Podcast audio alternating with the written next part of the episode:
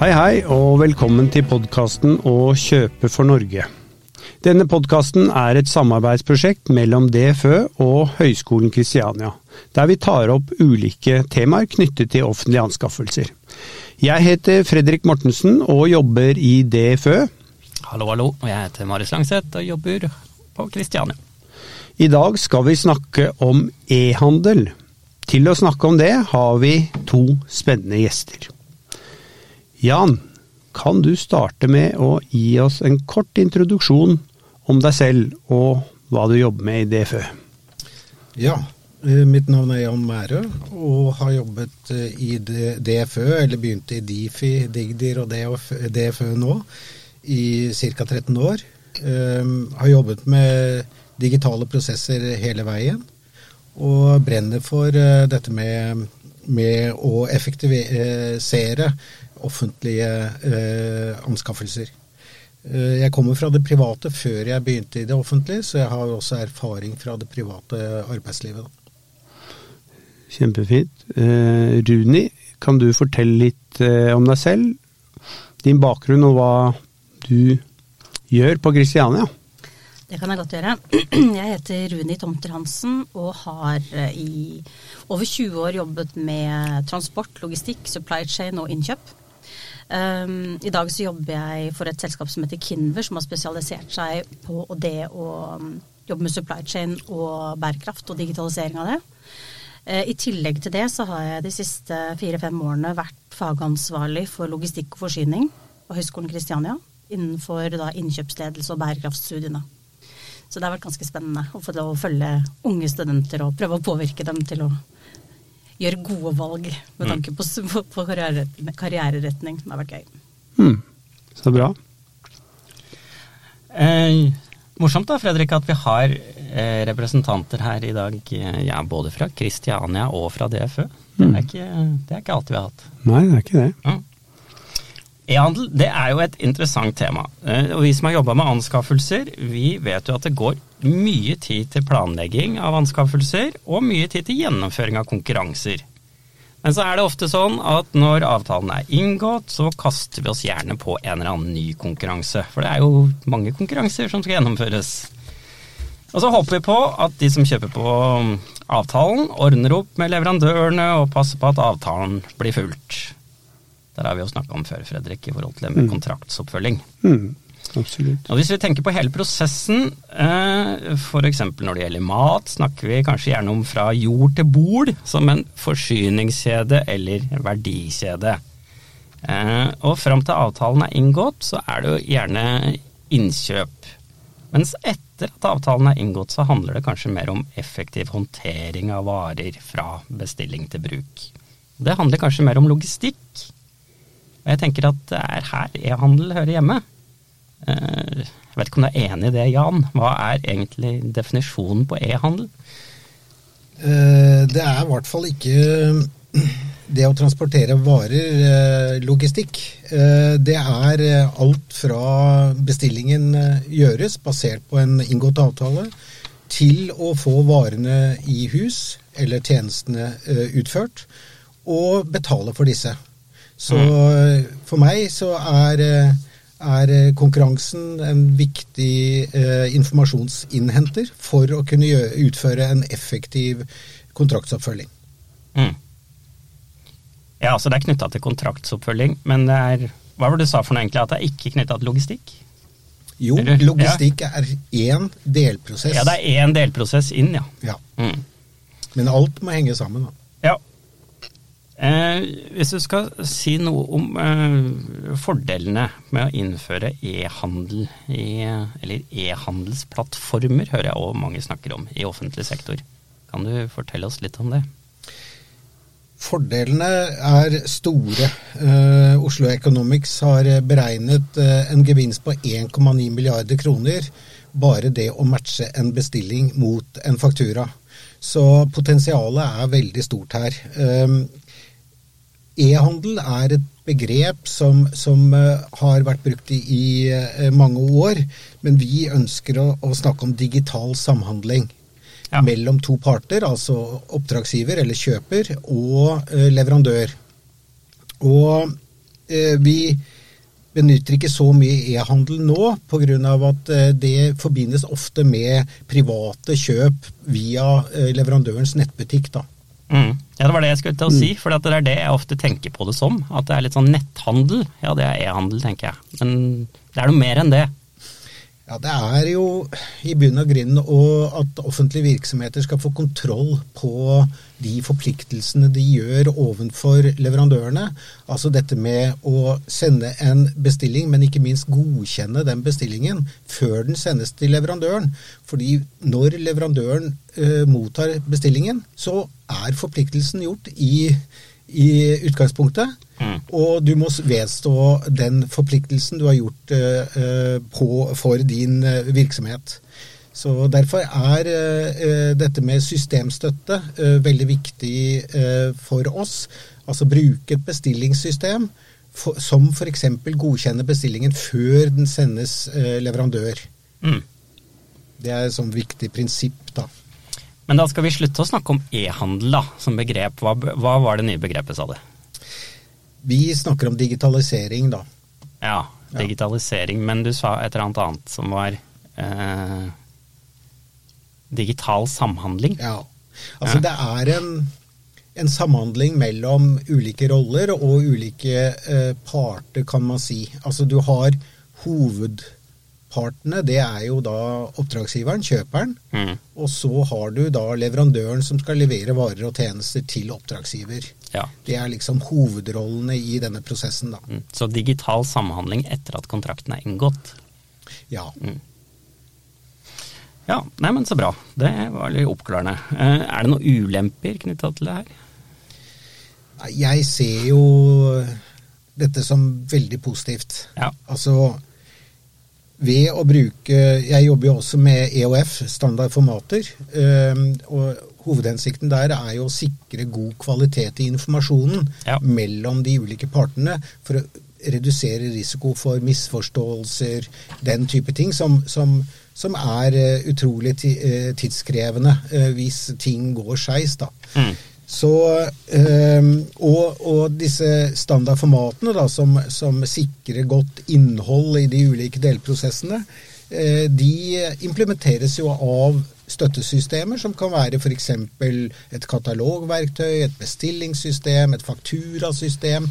Eh, økonomisystem. Altså det er mange systemer. Ja, det er veldig mange systemer knytta ja. til det her. Og det, mm. som, det som er det fine med det vi jobber med, det er jo at vi nå kan knytte disse systemene sammen eh, basert på disse standardformatene og transaksjonen, istedenfor å gjøre en én-til-én-integrasjon mellom de ulike systemene, som igjen er veldig tidkrevende og kostbar å opparbeide den én-til-én-integrasjonen, men også vedlikeholde det. Mm. Gjøres det en liten endring på det ene systemet, så må jo det andre systemet eh, oppdateres. Og mm. støtter du deg på en standard, så er alle med i, i eh, å kunne si eh, hva de eh, ønsker av endringer og den type ting, og så blir man enig.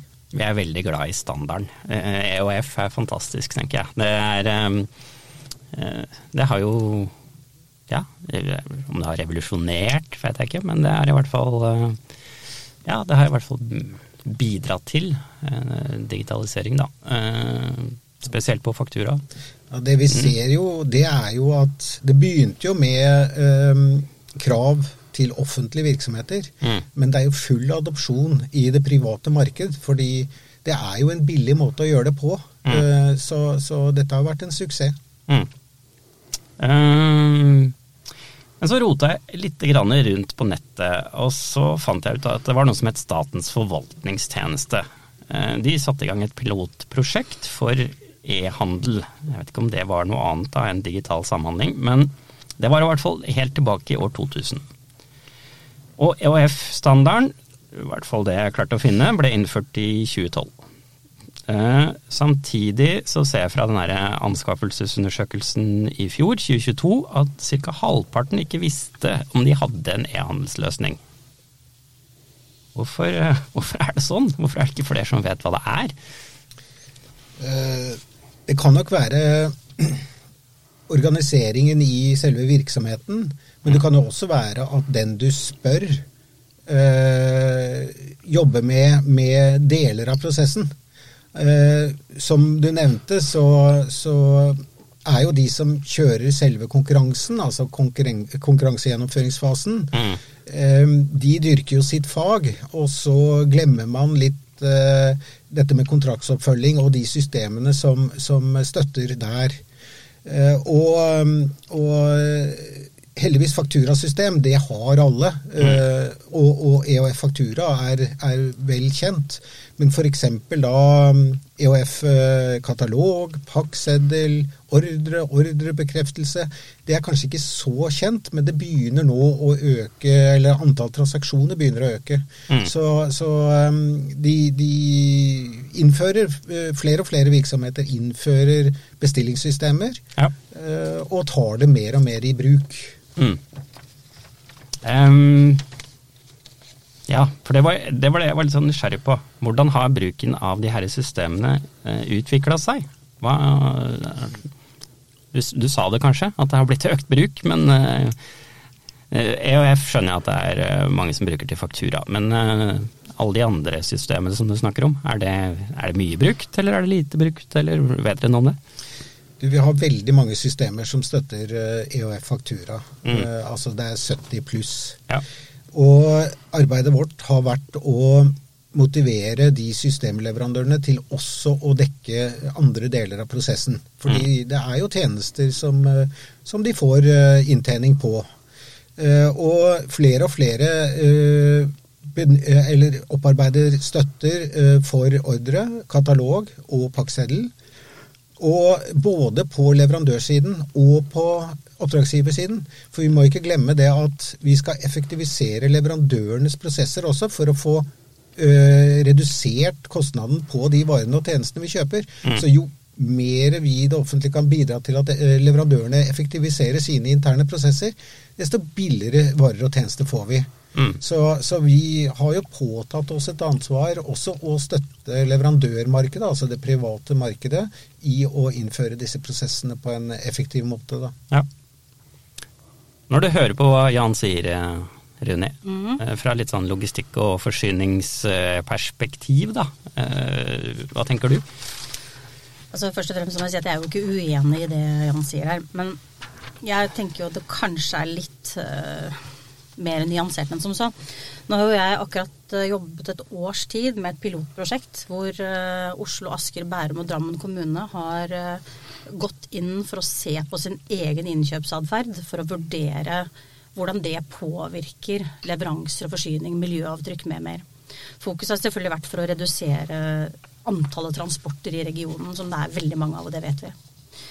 Um, I den forbindelsen så har jeg hatt anledning til å snakke med flere av de aller største leverandørene til det offentlige Norge. Um, og det er nok litt delte meninger om hvordan dette her har liksom, uh, endt opp til slutt for noen av dem. Hvis vi bare kan ta et par tall her først, som kommer fra en analyse som vi gjorde for eh, kommunene. Det her er fra 19... Ja, vi leverte vel den her i 2021 til Kommune-Norge. De fire kommunene som jeg refererte til. Uh, og jeg tror ikke jeg sier noe hemmelig når jeg sier at Oslo har ca. 3500 leverandører. 2% av disse står for omtrent 73% av alle ordrene. Ytterligere 3% av dem står for 15% Det betyr at du har 5% av 3500 leverandører som står for omtrent 90% av alle ordre. Og det er for så vidt helt greit uh, å forholde seg til på EOF med mer osv.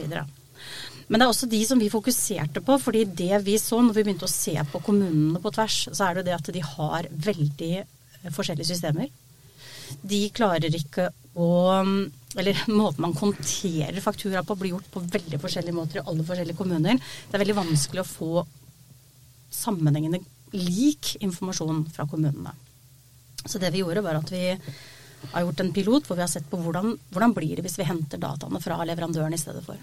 For det er én ting som jeg er helt sikre på, det er at leverandørene de sitter alltid med god informasjon om hva de har solgt, og hva de har fakturert. Mm. Um, det her har vært litt sånn eh, jeg må, jeg, faktisk, jeg, må, jeg må, gi disse kommunene litt sånn kred for at de har valgt å gjøre det. For det er jo litt smertefullt å sitte og se på hvordan er det vi selv oppfører oss. Hvordan gjør dette her til at vi faktisk driver egne kostnader, og ikke minst miljøbelastningen. Um, jeg kan ta et konkret eksempel av en medisinsk leverandør som uh, ved at vi på en måte klarte å, hente inn alle disse dataene og se på hva som har blitt levert, kunne vi se at denne medisinske leverandøren leverte medisinsk utstyr, ikke medisiner, men altså type materiell, uh, 15 ganger til samme sted samme dag. Med tre forskjellige biler. Oi sann. Ja, det var mange. Mm. Det, her er, Er det- ikke, det her er ikke unikt i det hele tatt. Mm. Kjenner du deg igjen dette her, eller Jan? Dette her er snakk om hvordan uh, oppdragsgiver organiserer sin, uh, sine bestillinger. Mm. Og vi oppfordrer uh, de til å få profesjonelle bestillere, så behovene kommer inn til den profesjonelle bestilleren. Mm. Sammenstiller eh, ordrene da, som skal til samme sted, og reduserer antall transporter, ikke sant? Og, og dermed miljø. Mm. Så, så vi er helt på linje med det. eh, og, og, og det kommer an på altså, modenheten i organisasjonen for hvordan de organiserer sin innkjøpsatferd. da. Mm. Og det har du helt rett i. Akkurat der er det stor variasjon mellom forskjellige typer kommuner. Og vi, vi har jo full forståelse for at en person som har fått i oppdrag av å sitte i et type katalogsystem og bestille inn diverse varer som en bijobb i forhold til at kanskje han eller hun er sykepleier på et sykehjem og har en oppgave å gjøre ved siden av, ikke nødvendigvis tenker på at nå har jeg fått en minste bestilling hos eh, en leverandør av penner og, og, og Post-It-lapper, Mm. som gjør at det faktisk går tre Post-It-lapper som en minimumsforsendelse til det stedet. Det her er reelle ting som skjer i det daglige. Um, det forstår vi veldig godt. Det som jeg tenker på da, i forhold til hva du snakker om, det er jo det med digitaliseringen. At det må jo være mulig å se på hvordan systemet man bruker kan hjelpe eh, en form for konsolidering. Hvis vi skal redusere transportbelastningen, og det er jo en av de tingene som har vært veldig i fokus i det siste, eh, skal man klare det, så må man konsolidere. Det betyr at du må frakte færre forsendelser, men mer hver forsendelse. Og Måten man beregner CO2 på, f.eks. belastningen, er jo også at du tar og ser på hvor mye har du klart å fylle bilen. Det er jo et generelt tall på ca. 70% som man går ut fra. Mm. Klarer du å øke antallet, eller øker du størrelsen på forsendelsen og gjør, reduserer antallet, så er sannsynligheten for at én, du kan sende det med en litt større bil som ikke er en budbil. Du kan sannsynligvis også sende det med en eh, elektrisk bil eller en med biogass. Og du kan planlegge leveransen, så du får én leveranse. Kostnadene går jo drastisk ned, og samtidig så får du da eh, et CO2-avtrykk, slik beregningen gjøres i dag, eh, blir mindre per kilo. Mm. Så dette er en sånn vinn-vinn-løsning. Så vi er jo egentlig av den oppfatning at hvis vi går etter å gjøre det økonomisk lønnsomt, så klarer vi også å oppnå den andre biten, som er å redusere transportbelastningen. For det ligger i økonomien. Det er egentlig det er ikke noe motsetning i det, sånn som vi ser det i det hele tatt. Bare for å kommentere det, så finnes det løsninger i bestillingssystemene der du har to roller. Du har selve bestilleren, og så har du den behovshaveren. Ja, mm. Og da eh, logger behovshaveren, finner produktene og sender den til handlekurven til bestilleren. Så da kan det være flere behovshavere da i løpet av av en uke eller en dag eller hva som helst.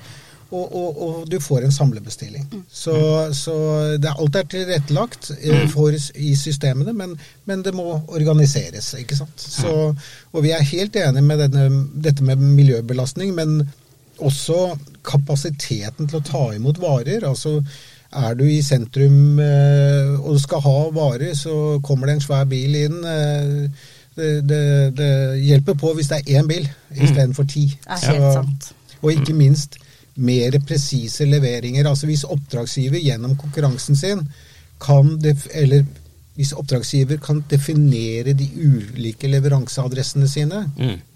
så, og, og gi de et unikt nummer f.eks. Mm. inn i systemet, så, så får du også stilt et krav til leverandørene at her skal vi ha varene levert, og, og får en mye mer e- effektiv da, logistikk inn. Ja. Så det ikke blir noe tvil i, i eh, hvordan man skal levere. Kanskje feilleveringer, ikke sant. Eh, levere til feil sted, og den type ting. Så, så vi må, selve logistikken så er det viktig også at eh, først oppdragsgiver får kontroll på sine leveransepunkter, og det gjelder også tjenester. Hvilke kontor skal de møte på, eller et eller annet sånt. Og, og, og får til den flyten med f.eks. kan vi redusere med én lastebil per dag. Bare det gjør eh, veldig mye for miljøet. Mm. Og presis levering som er rask ikke sant, eh, eh, hos oppdragsgiver. Men er det de som sitter og lager konkurransene, klarer de å tenke på alt det i like stor grad? Er, de, er offentlige oppdragsgivere gode på det? Har du noe inntrykk av det? Du kan si at vi eh, Kommunene har blitt veldig flinke til å definere leveranseadressene sine, Mm. og fylkeskommunene. Uh, uh, vi i det offentlige kan ikke kreve f.eks. GLN lokasjonsnummer, som, som GS1 eh, administrerer. Men vi oppfordrer de til oss å investere i dette. fordi Mm. da plutselig får du en samhandling mellom oppdragsgiver, da, hvis det kommer en ny barnehage eller et eller annet sånt, eller man legger ned noe. Mm. Så kan man kommunisere med alle leverandørene på de uh, aktuelle leveransepunktene som finnes. Ja. Og, og ikke minst nå, i en konkurranse så kan leverandøren da beregne prisen mye bedre hvis han vet om alle leveransepunktene en kommune eller en statlig virksomhet har. Så, så svaret er nok sikkert ikke state of the art på alle offentlige virksomheter, men, men jeg føler liksom at i hvert fall kommunene med såpass spredte lokasjoner i sin kommune, og kanskje mange lokasjoner, har mye mer fokus på dette. da. En liten kommentar til deg. Jeg var i et møte denne uka her hos en stor stor leverandør til offentlig, som nettopp sitter mer eller mindre i en sak med Viken fylkeskommune. Nettopp fordi at uh, i anbudet så var det ikke definert uh, de anbudsstedene som de uh, Det stemte ikke overens i det hele tatt. Det var avvek med omtrent 800 leveringspunkter. Um, selvfølgelig så klarte jo ikke da denne leverandøren å levere på miljømessig akkurat det samme måte til alle disse stedene, fordi de hadde på en måte Det er litt sånn forskjell på om du skal levere til Gol eller om du skal levere på sentrale Østlandet. Så det var en del av de miljøkravene som da Viken fylkeskommune mener at denne leverandøren ikke oppfyller. Men de hadde jo ikke fått fullstendig informasjon i forkant. Mm. Eh, og varesortimentet var også stort avvik på. Så det vi forfekter da i Kinver, eh, hvis jeg kan si det, er jo at man bør digitalisere informasjon. Sørge for at alle som sitter med offentlige anskaffelser, sitter på komplett informasjon om hva de faktisk har kjøpt, fra hvem, hvor ofte og hvor mye. Og til hvilken pris. Slik at de kan se på dette, bruke det som underlag i anbud for å nettopp være helt presise. For når du går ut med et godt grunnlag i et anbud, som er helt tydelig, du vet hva du ber om, du vet hva du skal ha, på hvilken måte, hvilke krav du har, så kan man ikke komme opp i disse konfliktsituasjonene i etterkant. Og de her konfliktsituasjonene, de, de eksisterer i dag. Men du, du har helt rett. Det, er, det, handler om den presisjonen i det anbudsdokumentet, og hvordan det skal vektes, og, hvor, og hva som er viktig der. Mm. Bare for å forsterke det. Eh, dette med standardformat da, og digitale transaksjoner ved bruk av system Ja. eh, gir jo muligheten til å fange denne type informasjon. Så man kan bli forbedre neste anskaffelse i presisjonen sin, ikke sant? I Mm. kravene. Ja. Og, og du kan si at eh, disse dataene også kan jo eh, hjelpe ledelsen i den offentlige virksomheten til å fatte ordentlig faktabaserte informasjon, Mm. og ikke bare blåkopiere siste konkurranse, ikke sant? men få, få til virkelig kvalitet. Da. Og, og da er kontraktsgjennomføringsprosessen utrolig viktig, å fange historiske data, Mm. basert da på strukturert informasjon. Og det kan være økonomisk, altså analyser og, og budsjettdisponering eller budsjettering for neste år. Mm. Men også dette med fysiske lokasjoner. Hvor mange lokasjoner har vi? Trenger vi så mange lokasjoner? Altså at man får en, en liksom kvalitet i vurderingen, da. Mm. Eh, og, og hele tiden forbedre offentlig virksomhetens eh, innkjøp, da. Ja. Nei, Vi har jo hatt det som tema her tidligere òg. Datadrevne beslutninger, det er jo eh, dit vi vil. Eh, men vi er jo ikke helt der enda. Eh, det er et lite stykke igjen, vi må jo kunne si det. Det, det, det er jo dette her med å virkelig bruke Når du først har anskaffet et system da, Ja. i virksomheten, bruk nå den da, på alt. Mm. Altså det er eh, Det mest vanlige oppfatningen er ja, men vi kjøper varer gjennom bestillingssystemet. Mm. Eh, Vi i DFØ nå har lagt opp eh, kataloger for konsulenter, og vi sender bestillinger. De eh, legger på bestillingsnummeret på fakturaen, og vi matcher denne helt automatisk. Vi sparer tid, Mm. og ikke minst konsulentselskapet får presis informasjon på, på hva vi ønsker.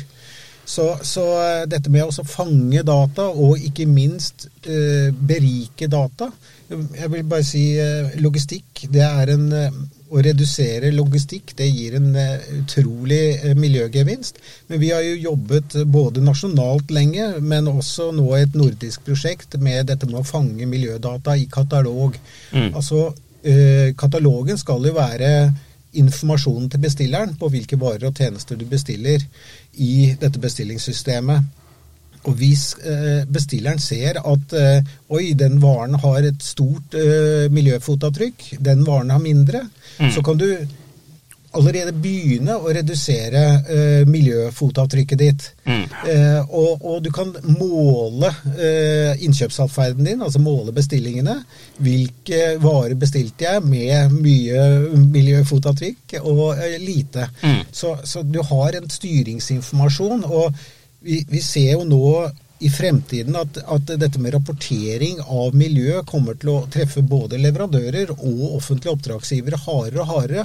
Og da nytter det ikke med manuell rapportering, altså. Nei. Jeg skulle tro at du jobba for meg, vet du. Ja, nei, for at, det- jeg blir litt sånn nysgjerrig. Det, det jeg ofte opplever eh, når vi snakker om digitalisering eh, og e-handel og de her tingene, er jo at det er mange begreper eh, som kanskje kan være litt vanskelig å forstå. Eh, kanskje, Jan, kanskje du kan på en enkel måte forklare oss litt forskjellen på det her med Du snakker om kataloger, men så hører jeg òg at det er noe som heter punch-out, det er noe som heter eh, fritekst. eh, ja, hva er egentlig forskjellen på de tingene her? Ja, En EOF-katalog det er egentlig en beskrivelse av de varene og tjenestene du har lov til å kjøpe da, i henhold til kontrakten. Mm. Og det kan være en, en strukturert, altså systemet kan implementere det i en søkemotor. La oss si at du skal på Amazon og kjøpe en bok. Ja. Det er jo dette EOF-katalog uttrykker. Altså søke frem den boken du skal kjøpe. Eller på temaer etc. Så hvis jeg er, bare for å prøve å liksom eh, vri hodet mitt her, så hvis jeg jobber i en kommune da, eh, så skal jeg kunne gå inn på en nettside, eh, eller inn i et system, I bestillingssystemet bestillingssystemet, ja. Ja. Mm. Og inni der så skal jeg få en oversikt over ja, nå har jeg tenkt å kjøpe mat, eller nå har jeg tenkt å kjøpe konsulenttjenester, eller et eller annet, og så skal jeg kunne bestille det der på en enkel måte. Det er det som er eh, tanken, ikke sant? Mm. Fordi da bruker du søkemotoren i bestillingssystemet og søker på hva du melk eller hva som helst. Ja. Og i søkemotoren der, eh, hvis f.eks. varen er eh, svanemerket, så kommer det opp i det skjermbildet du får opp. Ja. Og så kan du velge da hvem så, den varen som kanskje er svanemerket, kontra en som ikke er det. Ja, så det blir på en måte min nettbutikk, da? Ja, eller, din ja. interne nettbutikk. Ja. Men så kan du si at, eh, at du har punch-out. Eh, du har noen leverandører med kanskje tre millioner boktitler. Mm. Ok, Det er ikke hensiktsmessig å sende en katalog med tre millioner boktitler. Mm. Ok, Da kan du sette opp en punch-out-løsning. Dvs. Si at du har en lenke inn i ditt bestillingssystem. Du, du, du søker bøker, f.eks. Mm. Da kommer den lenken opp. Klikker på den lenken, så ruter eh, bestillingssystemet ditt seg direkte til eller nettbutikken til leverandøren. Mm. Du bruker leverandørens nettbutikks eh, funksjonalitet til å samle de varene. Mm. Og du trykker på en knapp og sender den handlekurven tilbake igjen til bestillingssystemet ditt. Så, så du kan si at eh, eh, det er en veldig grei måte å gjøre det på. Men det vi sier, det er at eh, de som skal sette opp bestillingssystemene, de skal gjøre den vurderingen. Trenger vi en punch-out? Fordi det mest sikre er en EOF-katalog, og den litt mindre sikre er en punch-out. Fordi da er det leverandøren som vedlikeholder prisene på sin side. Mm. Dine innkjøpere får ikke kontrollert prisene, sånn som du gjør i et katalogverktøy når du tar imot en EOF-katalog. Du kan til og med nekte å, ta, å, å, å sende den ut til bestilleren din ikke sant? hvis, hvis eh, prisene ikke er rik riktige.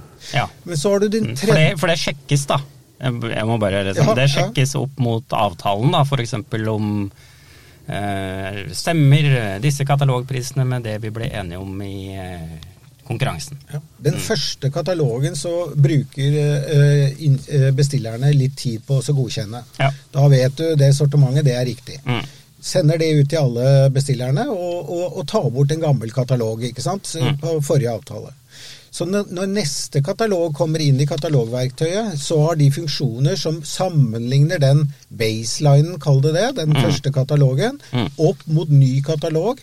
Så kommer det frem en avviksrapport. Ja, hvilke varelinjer er endret? Mm. Det kan være en pris eller tekst eller leverandør eller hva som helst. Mm. Og dermed så kanskje det er fem varer de må sjekke. Er dette i henhold til avtalen eller ja. ikke? Ja. Så, så, så, så det, det, er liksom Bruk systemene, få opp kompetansen i virksomheten for å få utnyttet dette maksimalt. Mm. Nei, for det er mange som Eller det vet jeg ikke, men inntrykket jeg har, er at eh, Vi er jo vant til å handle, handle i sånne andre nettbutikker på fritida. eh, og så tenker kanskje de som jobber i denne kommunen da, f.eks., eller andre steder, at ok, hvorfor kan jeg ikke handle direkte der? Mm. Eh, for det er jo mye enklere, for det er jeg jo vant til. Altså kan jeg lage en, og de leverandørene de er sikkert uh, klare for å opprette en konto for meg, og ja, osv. Uh, Men da må du tenke helhet igjen. Ja. altså, jo mer manuell du er i bestillingsøyeblikket, du kan også ta opp en telefon eller en ja, ja. mail eller hva som mm. helst, desto mer arbeid for de som skal sjekke fakturaene som kommer inn. Mm. Men hvis du har gjort det riktig i de første prosessene, mm. så kan du droppe å sjekke fakturaen. Den går automatisk til kontering. Mm. Og utbetaling. Mm. Så ja. Mm. Jeg er helt enig med deg. Det å automatisere så mye som mulig som går på faktura, er helt strålende. Men det her er også omtrent halvparten av alle kjøp. Nå, nå generaliserer jeg litt, jeg har litt forskjellige tall på det. Uh, er kjøp som blir gjort utenfor avtale, og de blir gjort uh, med ikke-avtalevarer. Og det blir gjort uten innkjøpsordre i det kommunale Norge i dag.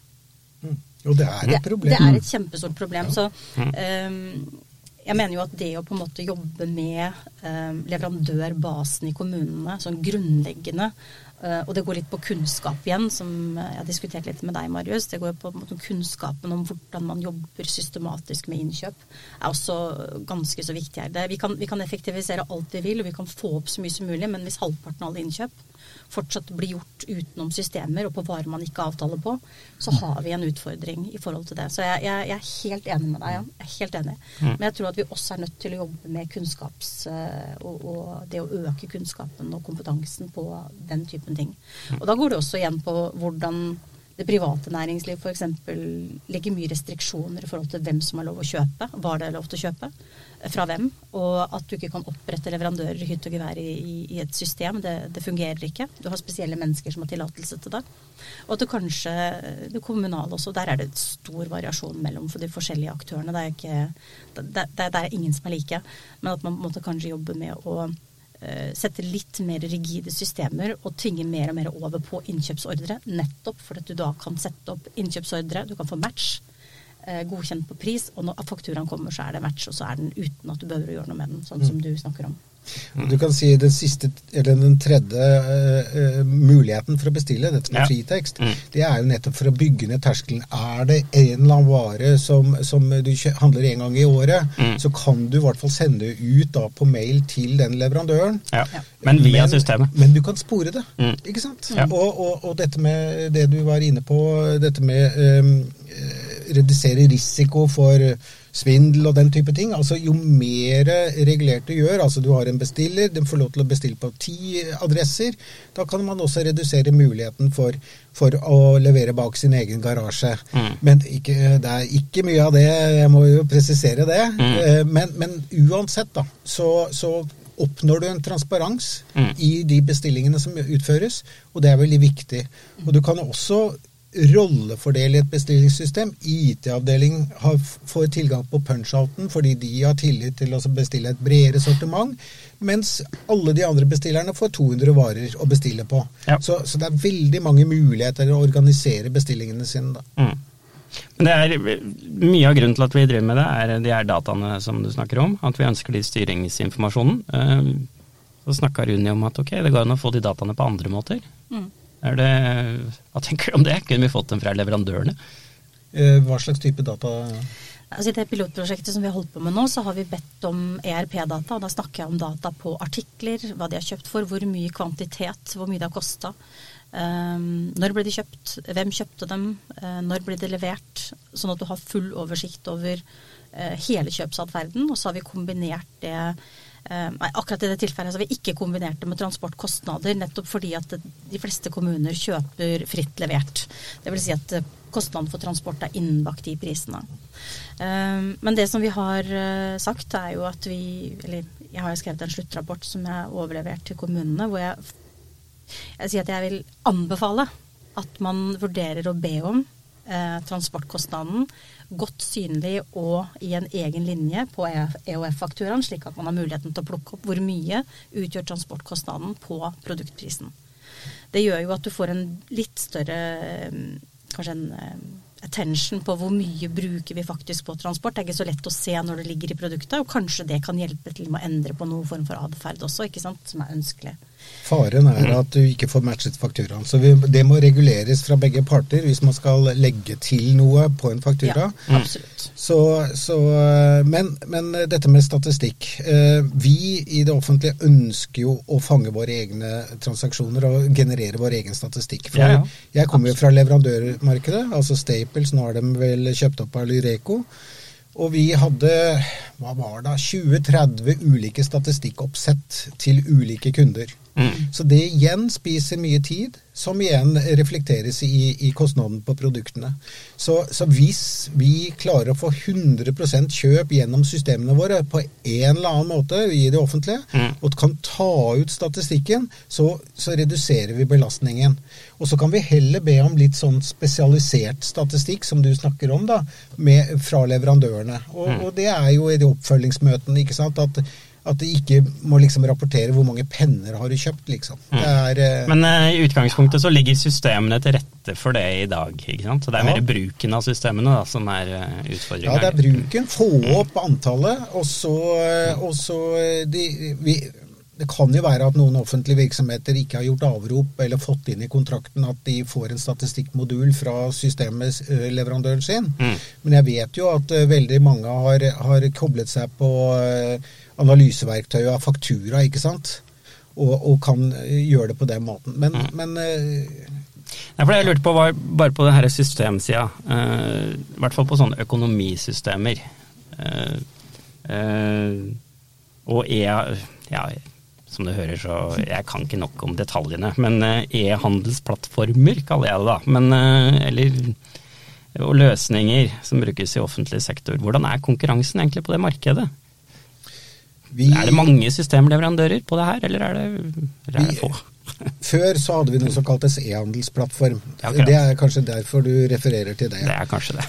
Det var en sånn såkalt trehjørnersmodell. altså Du hadde en plattform i midten, og så mm. hadde du oppdragsgiveren på den ene siden og, og leverandøren på den andre siden. Ja. Og Hensikten var jo også å få til en god samhandling da, ja. mellom de. Mm. Eh, det som viste seg på den e-handelsplattformen, det er at den ikke skalerte bra nok. Altså Vi fikk ikke på nok leverandører. Ja. Så vi gikk over til en firehjørnersmodell der leverandørene anskaffer sitt system, som er koblet på dette Pepper-nettverket. Og oppdragsgiverne gjør det samme, som er koblet på Pepper-nettverket. Og, og, og, alle mottakerne ligger i et adresseregister som vi kaller Elma.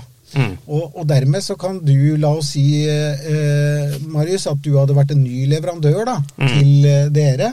Eh, da kunne du bare sjekket org-nummeret i Elma kan hun ta imot en faktura eller ordrebekreftelse, og gjøre det med en gang. Mm. For da vet du at mottakeren din er kompatibel med det standardmeldingen da, som sendes. Mm. Så, så, så, og Det er derfor vi har fått denne eksplosjonen av antall mottakere. Vi har jo 260 000 uh, mottakere i Elma.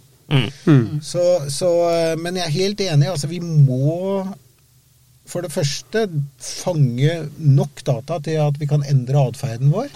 Og ikke minst gi både leverandører og oppdragsgivere kontroll på sine prosesser. ikke sant?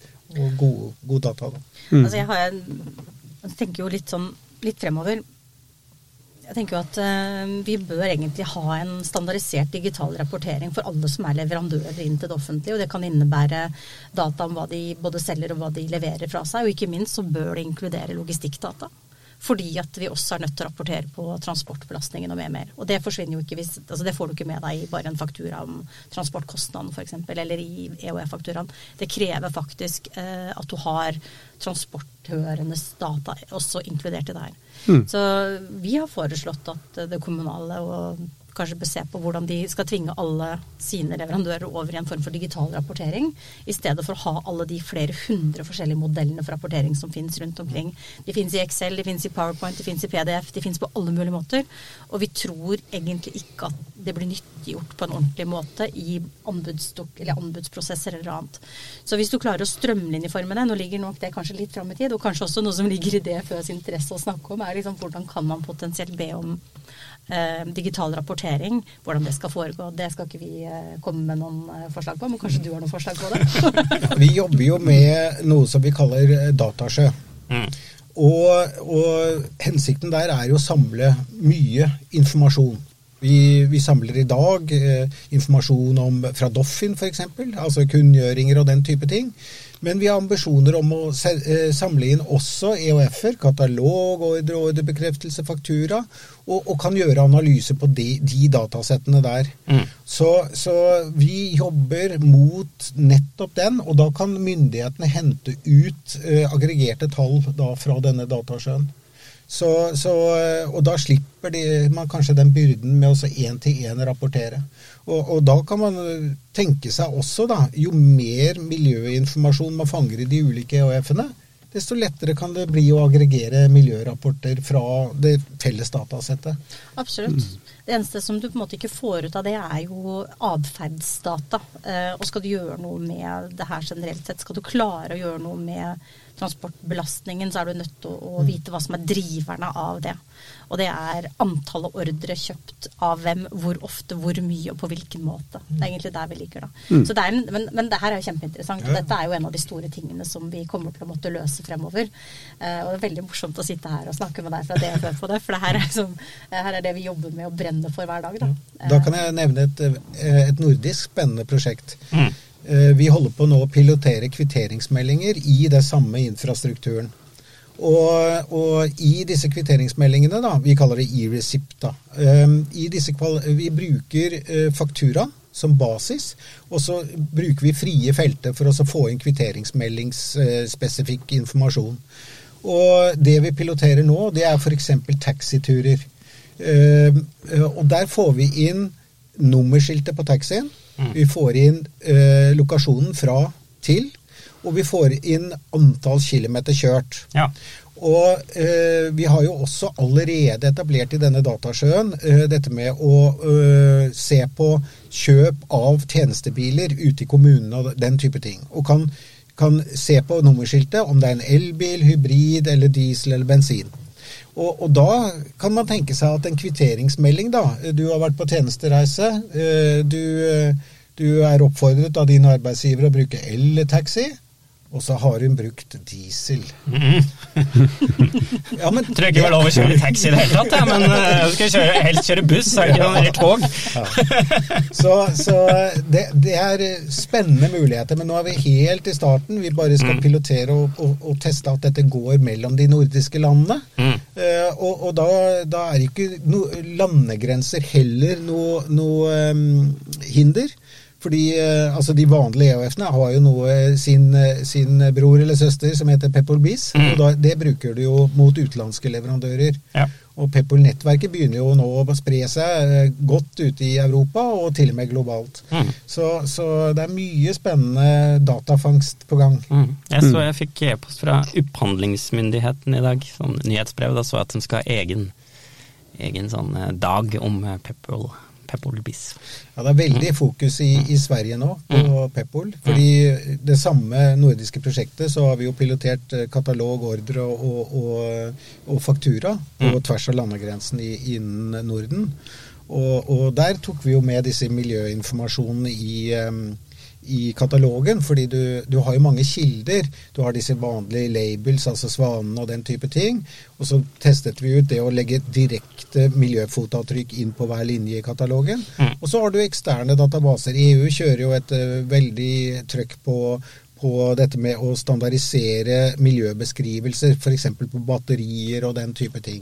Og da, det henter man jo fra en ekstern datakilde, og du har maskinlesbare EPD-er i, i, i, bygg- og anleggsbransjen, ikke sant. Mm. Du har masse sånn, og, og da, da, har du mye større mulighet til å fange data da, som du kan analysere og, og gi råd til regjeringen på mm. hvordan står, står, det til i Norge. Ja. Og, og, logistikken er jo utrolig viktig. på, mm. Vi må bare få, bare... bare få, opp bruken, da. Det er jo det, da. Ja, bruk. Så hvordan uh... altså, Så må jeg bare få lov å kommentere at Når jeg snakker om logistikk, så snakker jeg ikke om transport. Transport er bare en marginal del av det å drive med logistikk, og den innebefatter informasjonsflyten i begge retninger i kjeden. Og den informa det er informasjonsflyt, og det er eh, pengeflyten, som mm. også inkluderes i logistikk for min del del. Mm. Så jeg har nok kanskje et litt mer utvidet begrep i forhold til det. Så uh, bare sånn bare for å presisere Jeg er for snever. litt for snever i logistikkbegrepet, kanskje.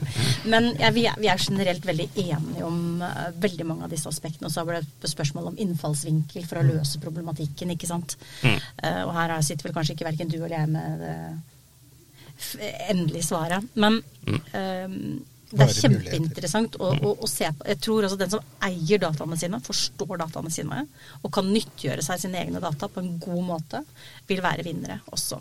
Og vi, vi, vet jo at behovet for å kjøpe for Norge, å kjøpe mer Vi kommer til å kjøpe mer og mer og mer og mer.